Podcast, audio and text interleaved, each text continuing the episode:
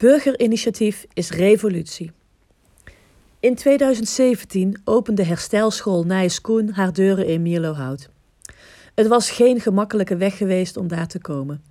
De initiatiefnemers wilden een vrijplaats zijn waar niemand wordt lastiggevallen met etiketten en diagnoses.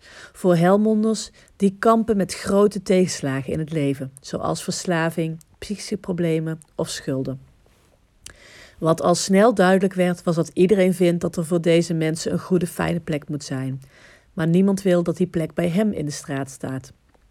Gelukkig zijn de grondleggers van Nijs Koen dusdanig optimistisch van aard en kunnen ze wel tegen een stootje. Ze zijn na enige tijd met hun herstelschool geland in Milohout. En the rest is history, zullen we maar zeggen. Nu zijn ze zelfs genomineerd voor een appeltje van oranje voor hun baanbrekende werk. En als u nog niet op ze gestemd heeft, doe dat dan snel op de website van het Appeltje van Oranje. Het is niet altijd makkelijk voor bewonersinitiatieven om hun weg te vinden door de wirwar en regels en voorwaarden die onder andere de gemeente stelt.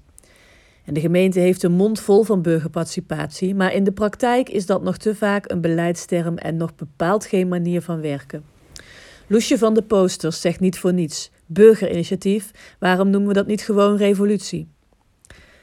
Terwijl in deze tijd waarin steeds meer mensen zich afkeren van de traditionele overheid, we juist toe moeten naar nieuwe vormen van samenwerken.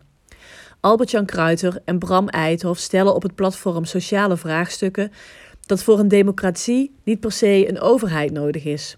Samen een initiatief starten dat een deel van ieders belang behartigt, is immers ook democratie. Wij zijn ook echt allemaal de overheid. De gemeente heeft voor dat bewustzijn een belangrijke rol. Een belangrijke rol om zichzelf af en toe wat kleiner te durven maken.